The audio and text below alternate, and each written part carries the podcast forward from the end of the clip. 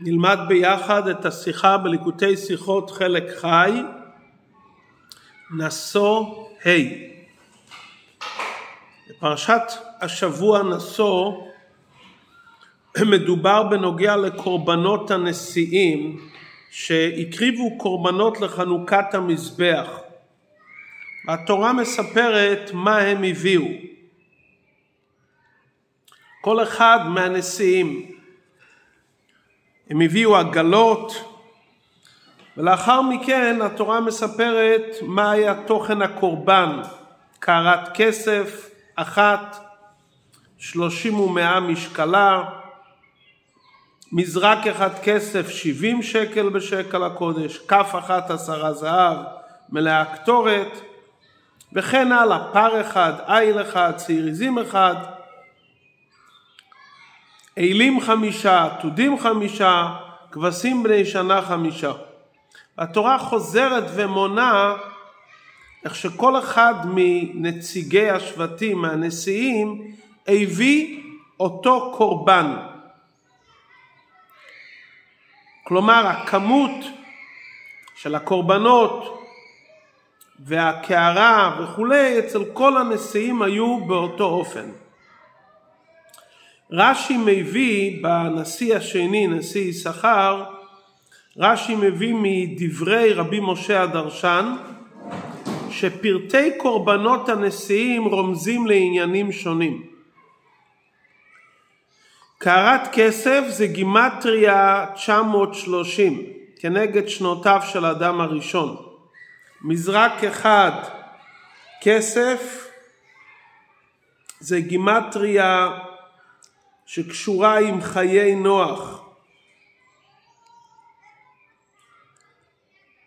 כף אחת זה הולך על התורה. פר אחד, איל אחד, כבש אחד, הולך על אבות העולם, אברהם, יצחק ויעקב, שמצינו בהם פר, כבש ואיל. שעיר עזים הולך לכפר על מכירת יוסף. זבח השלמים בקר שניים כנגד משה ואהרון. אלים עתודים כבשים, שלושת סוגי הקורבנות שכל אחד מהם הביאו חמישה, הם כנגד כהנים לוויים וישראלים. עד כאן דברי רש"י. מדוע בכלל רש"י מציין את הרמזים שבקורבנות הנשיאים? הרי פירוש רש"י הוא בדרך הפשט. רש"י מביא רמזים מהמדרש, רמזים מדברי רבי מוישה הדרשן, ואם רש"י מוצא מקום לבאר כן את הרמזים, מדוע הוא לא אמר את זה בנשיא הראשון? מדוע רק בנשיא השני? הסברת הדברים, לכל נשיא היה כוונות ורמזים שונים בהתאם למהות שבטו. וכל אחד מהנשיאים התכוון בפרטי הקורבנות לפי אותו עניין כללי שהוא כיוון. פעם הראשונה לא צריכים להגיד מהו ההסבר, כי פעם ראשונה כתוב מה הם הביאו בפועל. פעם השנייה רש"י מתחיל לבאר את פרטי הדברים. בפשטות נראה שפירוט הרמזים של כל נשיא קשור עם נקודה כללית. כמו שהמדרש אומר, נחשון על סדר המלוכה, נתנאל על שם התורה, אבל רש"י לא מביא לכאורה פרטים של אותו כלל. במדרש נאמר שמה שהקריבו הנשיאים זה היה כנגד הדורות שהיו מאדם הראשון ועד המשכן, וכנגד המצוות שנצטוו. כפי שהזכרנו, קערת כסף, גימטריה, רומז לשנות חיי אדם הראשון. השאלה שנשאלת, מה הקשר בין קורבנות הנשיאים לשנות אדם הראשון? מה הקשר בין קורבנות הנשיאים לחיי נוח? אנחנו מדברים כרגע על חנוכת המזבח והמשכן.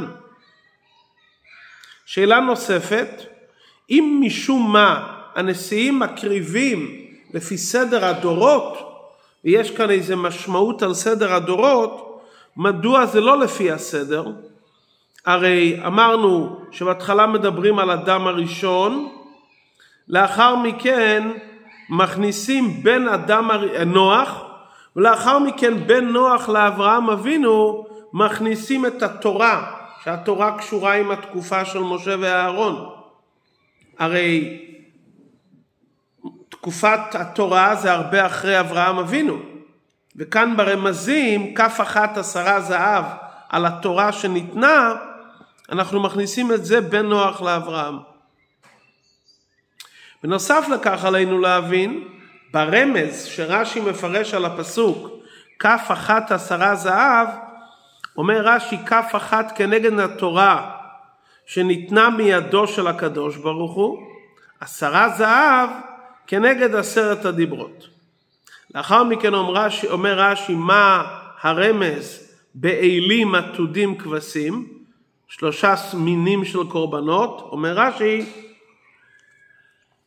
כנגד תורה נביאים וכתובים, שלוש חמישיות הרי הביאו מכל אחד מהם חמש, חמישה אלים, חמישה עתודים, חמישה כבשים, עתודים זה עיזים, כנגד חמישה חומשים וחמש הדיברות שכתובים על לוח אחד וחמש דיברות שכתובים על לוח שני. לשם מה יש צורך בשני קורבנות שרומזים על התורה? הרי אמרנו שכף אחד הולך על התורה שניתנה מידו של הקדוש ברוך הוא. כף אחת עשרה זהב. מדוע צריכים עוד פעם רמז על התורה, תורה נביאים כתובים, ולאחר מכן למה חמישה מכל אחד כנגד חמשת הדיברות בצד אחד וחמשת הדיברות בצד השני. דבר שני מעניין, רש"י אומר מדוע שלושת הסוגים אלים עתודים כבשים כנגד כהנים ולוויים וישראלים וכנגד תורה נביאים וכתובים.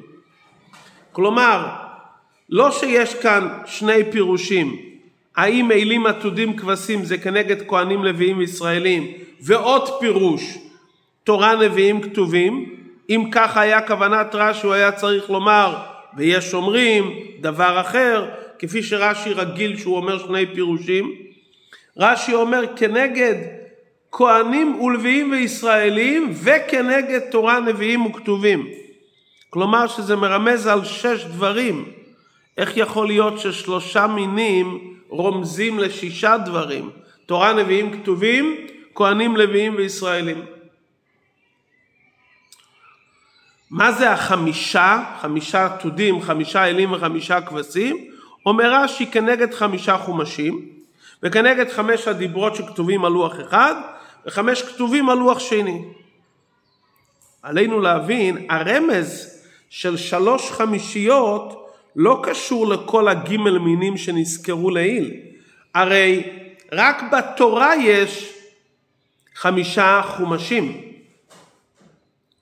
תורה מחולק לחמישה חומשים. נביאים וכתובים לא קשור לזה. כהנים לוויים וישראלים גם לא קשורים לעניין הזה של חלוקה של חמש. מדוע צריכים כאן רמז נפרד לחמש חומשים מלבד הרמז שאמרנו לעיל שבתורה יש תורה נביאים וכתובים. אמרנו אלים עתודים כבשים זה כנגד תורה נביאים כתובים. לאחר מכן אתה מפרט עוד יותר ואומר מדוע חמישה אלים חמישה כבשים כנגד חמישה חומשים. וכשרש"י מביא את העניין של שלוש חמישיות הוא מתחיל קודם מחמישה חומשים בראשית שמות ויקרא במדבר דברים, ולאחר מכן הוא אומר חמש הדיברות. מובן מזה שמה שרש"י אומר כאן חמש הדיברות, הוא לא מתכוון לעשרת הדיברות שהיו חרוטות על לוחות האבנים, כי זה הרי קודם לחומש. אם רש"י מביא את חמש הדיברות אחרי החמישה חומשים, הוא מתכוון להגיד איך שהתורה נכתבה בתורה שבכתב, הלוחות הרי ניתנו לפני החומשים, רש"י אומר, יש כאן שתי חמישיות. עשרת הדיברות יש חמש אחד ועוד חמש. הנקודה הזו שגם בתוך חמשת חומשי התורה יש את חמש הדיברות וחמש הדיברות, כלומר שהחלוקה בין הלוח הימני ללוח השמאלי זה לא רק בכתיבה הגשמית על לוחות הברית, אלא יש כאן באמת חלוקה בתוכן. חמשת הדיברות הראשונים הם בעיקר מצוות עשה. כי גם מה שאומרים לא תעשה לך אלוקים על, פני, על פניי ולא תישא את שם על שם אלוקיך זה סניף של אנוכי השם אלוקיך. אז חמש הדיברות הראשונים בעיקרם זה מצוות עשה. והלאווים הם כביכול לאווים שבאים, דומים ללאו הבא מכלל עשה. החמש האחרים זה מצוות לא תעשה.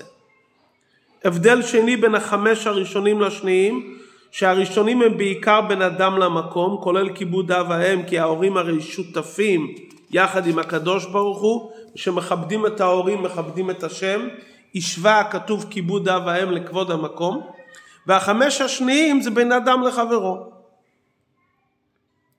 אז יש לנו חלוקה בין הלוח הימני ללוח השמאלי, לא רק בלוחות הברית, אלא גם איך שזה בחומש. אבל עלינו להבין, אם יש כבר רמז לחמישה חומשים, מה צריכים עוד יותר לרמוז על עשרת הדיברות איך שהם בחמישה חומשים? הרי אמרנו שהסרת, כף אחת עשרה זהב, מרמז על עשרת הדיברות. שניתנו מידו של הקדוש ברוך הוא. אם כן כבר אמרנו את הרמז של עשרת הדיברות. מדוע צריכים לפרט אותם עוד הפעם איך שהם נכתבו גם בתוך החומש שגם בזה יש חלוקה בין החמש הימנים לחמש השמאליים בין אדם למקום בין אדם לחברו. כשהרבי דיבר את השיחה הזו הוא שאל את אחד הנוכחים כמה שאלות שאלנו בדברי רש"י שהוא אמר חמש, הרב אחר כך שאל אותו וכמה עכשיו, הגיעו למספר שאלות רב, בתוך אותו היה יהודי שקראו לו רב זלמן יפה, שהיה מגיע להתוועדויות בפרט בחג השבועות, הרבי שאל אותו את מספר השאלות, כמה שאלות, איפה אוחזים ממספר השאלות. ממשיך הרבי בסעיף ה' כדי להבין, עלינו להקדים שאלה כללית, מה המשמעות של קורבנות הנשיאים? הרי רש"י רוצה לבאר לנו רמזים שיהיו הכי קרובים לפשוטו של מקרא. אחרי הכל זה רמזים. שנות אדם הראשון, שנות נוח, שבעים אומות, האבות הקדושים וכולי. אבל אנחנו כדי להבין מה המשמעות של זה צריכים להבין מה היה המשמעות של קורבנות הנשיאים בחנוכת המזבח. חנוכת המזבח זה היום הראשון, ראש חודש ניסן, שבו ירדה אש מן השמיים. וירא כל העם וירונו ויפלו על פניהם. כלומר מתן תורה, קיבלנו את התורה והתורה הייתה הכנה למשכן. המשכן נבנה באותו שנה שקיבלנו את התורה, כלומר את התורה קיבלנו בסיוון, הציווי על המשכן היה ביום מוצאי יום הכיפורים, למחרת יום הכיפורים נבנה המשכן ראש חודש ניסן ועכשיו מקריבים קורבנות ורואים איך שאור השם יורד לעולם. האמת שהיה קורבנות גם לפני מתן תורה. אדם הראשון, נוח, האבות וכולי. אבל כאן יום חנוכת המזבח בא לבטאות את החידוש של מתן תורה. החידוש של מתן תורה שיהודים יכולים לקדש את העולם ועשו לי מקדש ושכנתי בתוכם, להפוך את העולם שיהיה משכן ומקדש להשם. יהודי יכול לקחת בהמה של חולין, לעשות אותו קורבן להשם. הוא לוקח דבר גשמי, מקדש את זה להשם, עד כפי שראינו בראש חודש ניסן, שהאש ירדה מן השמיים. כלומר, התפקיד של יהודי לקחת את העולם שנברא על ידי השם, שנראה כדומם, ולגלות שהעולם הזה יכול להפוך להיות דבר חי שמחובר לקדוש ברוך הוא. זה התפקיד של יהודי. לקחת את כל העולם כדומם ולהפוך אותו לדבר חי. דבר שצומח, מתפתח, שיהודי מקיים מצווה עם דבר הוא הופך אותו לדבר חי. דבר שיכול להוליד, לקדם דברים אחרים, לא כדבר דומם בלבד. כשאנחנו מסתכלים על קורבנות הנשיאים, הם נדבו גם קערת כסף, גם מזרק אחד, והתורה מעריכה ומפרטת את משקל הכלים ושוויים, ועם זה מתחילים כביכול, ולאחר מכן אנחנו מדברים מה היה הקורבנות שהם הביאו. עיזים, מעילים, פרים וכולי. כשהנשיאים מקריבים בחנוכת המזבח, הם סידרו את הקורבנות ורצו לבאר מה נפעל החידוש היום באמצעות המזבח במשכן. מכיוון שהקריבו הרי גם קורבנות לפני, לפני בניית המשכן, מה נוצר היום חידוש? שזה אחרי מתן תורה, אחרי הציווי, אחרי האפשרות ואחרי הנתינת כוח לקדש את העולם ולהפוך את העולם לדבר חי, להפוך את החפצים בעולם לדברים גשמיים שהם יהיו חפצה של מצווה, חפצה של קדושה, עד שיוכלו לראות בהם את הקדושה, כפי שראו באותם קורבנות מן החי, ותצא אש מלפני השם ותאכל. כלומר, ראו בגלוי את השראת השכינה. כשהנשיאים הביאו את הקערה ואת המזרק, זה היה סוג קורבנות שנרמז בכלים, במנחה ובקטורת שהייתה בתוך הכלים, לא רואים עדיין בגלוי את השינוי. זה עדיין נחשב כדבר דומם. שהביאו את החי, חלק ממנו, חלב ודם מוקרב על המזבח, עלה וזריקה על המזבח, ותצא אש ותאכל, זה קורבן מהסוג השני, לרמוז שהמשכן והמזבח גרם חידוש, להשרות את השכינה בעולם באופן גלוי, באופן חי, להפוך את הדומם והחולין לדבר חי וקדוש. את הכוח הזה עם ישראל קיבל בשעת מתן תורה, שהקדוש ברוך הוא אמר לנו ממלכת כהנים וגוי קדוש. אתם בעסק המצוות שלכם מקדשים את החפצים שבעולם, הופכים כל דבר לחפץ של קדושה. האפשרות הזאת ניתנה במתן תורה שעם ישראל קיבל את התואר ממלכת כהנים, שהם נצטוו על התרי"ג מצוות. באמת התחיל משהו מעין זה כבר אצל אברהם אבינו היהודי הראשון, שהרי אברהם אבינו גם מל את בשרו ברית בבשרכם, שזה חפץ של מצווה, הוא עשה מצווה בבשרו. אבל עיקר העניין של הכוח לשנות את העולם, לקדש את העולם, החל במתן תורה, ועכשיו במלאכת המשכן ובקורבנות רואים את זה בגלוי. לפי זה נבין את הרמזים בדברי רש"י בין החלק הראשון של הרמזים לחלק השני. שרש"י מביא מדברי רבי משה הדרשן את הרמזים בעניין הקערה והמזרק, הוא מדבר על אדם הראשון ועל נוח. על התקופה הראשונה, נוח ותולדותיו, שבעים האומות, עדיין לא היה ניכר בגלוי את החיות האלוקית בעולם, עדיין העולם היה כדומם, עדיין עוד לא השתכלל העולם להתרומם ולהגיע למדרגת חי. אברהם אבינו, היהודי הראשון, התחיל להחיות את העולם, להפוך את העולם למצב של חי, לקדש. בוודאי שאחרי מתן תורה, משה ואהרון עם עם ישראל, כהנים, לוויים וישראלים, באמצעות התורה, הם כבר הופכים את העולם למקום שהוא חי לחלוטין. כלומר הרמזים הראשונים זה הולך על החלוקה הכללית של העולם עד מתן תורה ועד אברהם אבינו. העולם עדיין כדומם, לא רואים עדיין חיות, לא רואים קדושה במציאות העולם. מאברהם אבינו ואילך וכל שכן מתן תורה העולם נהפך להיות חי. לפי זה עלינו להבין מדוע רש"י מכניס את הכף אחת עשרה זהב שזה רומז לעשרת הדיברות כף אחת קיבלנו את התרי"ג מצוות מידו של הקדוש ברוך הוא. כף אחת כנגד התורה שניתנה מידו של הקדוש ברוך הוא. את זה רש"י מכניס בין נוח לאברהם. לכאורה זה הרי קשור עם התקופה השנייה, שקיבלנו את התורה וקידשנו את העולם. האם גם זה נחשב כדומם? לכאורה זה כבר העולם נמצא במצב של חי. כאן יש דיוק נפלא. רש"י אומר שכף אחת, עשרה זהב, היא לא כנגד עם ישראל שמקיימים ולומדים את התורה ומקדשים את העולם באמצעות מצוות. רש"י אומר כנגד התורה שניתנה מידו של הקדוש ברוך הוא.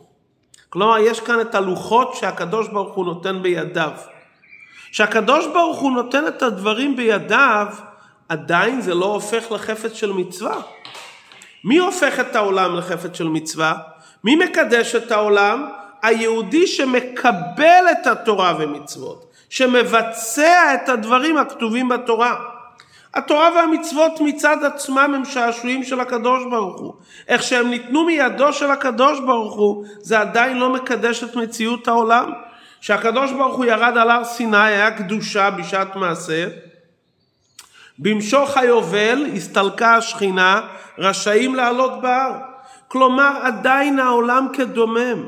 עדיין אין כאן מעשה המצוות. זה עדיין נתינה מלמעלה, הקדוש ברוך הוא נותן. לכן רש"י מכניס את זה עדיין בחלוקה הראשונה, כי העולם עוד לא הגיע ליעד של העולם להפוך להיות חי, שזה הקורבנות מן החי, להחיות את העולם, לרומם ולקדש את העולם.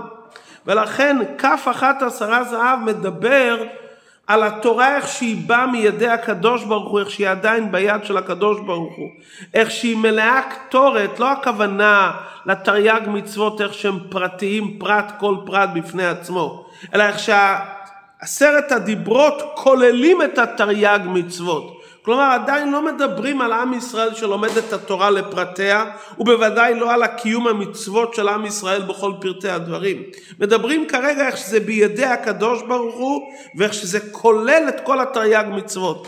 כף אחת שהיא מלאה קטורת אבל עדיין איך שזה כלול בכלל ואיך שזה בידיו של הקדוש ברוך הוא עוד לפני שזה מגיע לעם ישראל מפורט ובוודאי לפני קיום המצוות שלהם.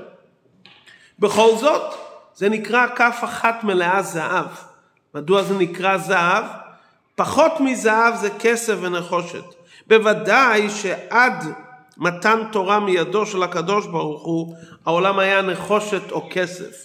שהעולם קיבל את התורה, שהשם נתן את התורה, עוד לפני שעם ישראל קיבלו את התורה, היה פה דבר יקר שהשם נתן. נתן זהב, זהב הוא כלי יקר שלא בערך מאשר כסף ונחושת. אז בוודאי שעצם העניין שלו וירד השם על הר סיני קידש את מציאות העולם, אבל עדיין זה נחשב עדיין כאותו חלק של העולם שעדיין לא נהפך לחי. כי כל זמן שעם ישראל לא מקבלים את התורה ולא מבצעים אותה במעשה בפועל, עדיין זה נחשב בחלוקה הראשונה. ולכן הרמז על עניין התורה, איך שהיא בידו של הקדוש ברוך הוא כלולה בעשרת הדיברות הכולל את כל התורה כולה, רש"י מכניס את זה בחלק הראשון עם הרמזים על אדם ונוח. כשרש"י עובר לחלק השני, אלים עתודים כבשים, קורבנות מן החי, זה התפקיד של יהודי להחיות את העולם, להפוך את העולם לדבר חי וקדוש. כאן רש"י אומר ג' המינים הם כנגד, תור, כנגד כהנים לוויים ישראלים וכנגד תורה נביאים וכתובים. רש"י לא בא להגיד כאן רמזים שונים, אותו רמז. התורה הרי אמרנו איך שהתורה מצד עצמה היא עדיין לא מן החי. התורה נהפכת למין החי שיהודי מקיים את התורה. כאן אומר רש"י שעם ישראל, כהנים לוויים וישראלים, מקבלים ומתאחדים עם התורה שהיא תורה נביאים כתובים. הם מתאחדים עם כל שלושת חלקי התורה. הם נהפכים להיות מציאות אחת עם התורה. אחדות מוחלטת, יהודי נהיה חקוק עם הקדוש ברוך הוא. אז אין כאן שישה רמזים. יש כאן עם ישראל, כהנים לוויים וישראלים, שמתאחדים עם כל שלושת חלקי התורה. הרי כל העולם נברא בשביל התורה ובשביל עם ישראל. וכפי שרש"י אומר, בשביל התורה ובשביל ישראל. הראשית כולל את התורה וישראל כמציאות אחת. יהודים שמתאחדים עם התורה, הם הופכים את העולם לדבר חי. ולכן רש"י מסיים לזבח השלמים זה כנגד משה ואהרון שהם הביאו שלום בין ישראל לקדוש ברוך הוא במתן תורה. מדובר פה לא על התורה אלא על עם ישראל איך שהם מתאחדים עם התורה באמצעות משה ואהרון. כלומר יש את התורה ויש את עם ישראל שמאוחדים עם התורה ומבצעים את רצון השם בתורה. זה הרמזים השניים. אז עם ישראל עושים שלום בין ישראל לאביהם שבשמיים. שהתורה נמצאת כתורה בפני עצמה. או שעם ישראל נמצאים כמציאות בפני עצמם, ולא מתאחדים עם התורה ולא מקיימים את ההוראות, עדיין לא עושים את השלמים, עדיין לא עושים שלום בין ישראל לאביהם שבשמיים, שלום בין העולם לאלוקות. שיהודי מתאחד עם התורה. מי זה יהודי? כהנים לוויים ישראלים. יהודים איך שמתאחדים עם התורה, תורה נביאים כתוביים, הם הופכים את העולם לדבר חי. ולכן זה אותו דבר, זה עם ו' החיבור. זה לא שיש פה תורה נביאים כתובים ועוד הסבר כהנים לוויים ישראלים. וכנגד, זה אותו דבר. עכשיו מובן מה צריכים פה את השלוש חמישיות. שרש"י מדבר פה על החמש, חמישה חומשי התורה, ואיך שזה נפרד בעשרת הדיברות, כוונת רש"י לומר, יש את התורה איך שהיא ניתנה מהקדוש ברוך הוא כף אחת, איך שהתורה ביד של הקדוש ברוך הוא. זה מרמז על התורה איך שמקבלים אותה מלמעלה. זה התורה עדיין שלא הופכת את העולם למציאות של דבר חי. זה איך שעשרת הדיברות נאמרו בדיבור אחד. יש בזה גדרי העליון, יש בזה את גילוי של הקדוש ברוך הוא. וירד השם על הר סיני, אין כאן את העבודה של עם ישראל. לכן רש"י מצטט כף אחת, מדגיש את הנקודה של האחת. זה כל עשרת הדיברות וכל התרי"ג מצוות שבאים ממקום אחד לא ניכר בכלל ההתחלקות. אבל שעם ישראל מקבלים את התורה, שמדברים על עם ישראל, לא על הקדוש ברוך הוא הנותן, שמבחינתו זה הכל נקודה אחת של כף אחת, האנוכי, שמדברים על עם ישראל שהם מקבלים את התורה, כאן יש כבר התחלקות, יש תורה נביאים כתובים, יש כהנים לוויים ישראלים, יש חמישה חומשים, יש תרי"ג מצוות, ויש סוג של תורה שכתוב בלוח אחד ולוח השני, יש מצוות שהן עשה, שהן בקו של כן, ויש מצוות שהן לא. זה כבר ההתחלקות. יש פרטי הפרטים, יש פה גדר המקבל בתורה, נדג... מודגש כאן איך שהתורה נלמדת על ידי עם ישראל, איך שכל פרט בתורה מתקיים ומתבצע על ידי היהודי. אז זה החלוקה בין כף אחת, עשרה זהב, זה התורה איך שהיא בידו של הקדוש ברוך הוא. מה התפקיד שלנו? התפקיד שלנו זה הרי שבת אחרי מתן תורה, שבת נשוא. התפקיד של עם ישראל לקבל את התורה, איך שהיא ניתנה מידי השם, לראות את כל הפרטים שבתורה ולהפוך את העולם לדבר חי על ידי קיום כל הפרטים הכתובים בעשרת הדיברות לפרטיהם, איך שהם מפורטים בחמש כאן ובחמש שמה של בן אדם לחברו, בן אדם למקום, הם הופכים את העולם לדבר חי וקדוש, זה המטרה של היהודי, לקדש את העולם ולגלות אלוקות בתוך מציאות העולם באמצעות ההתאחדות שלו עם התורה.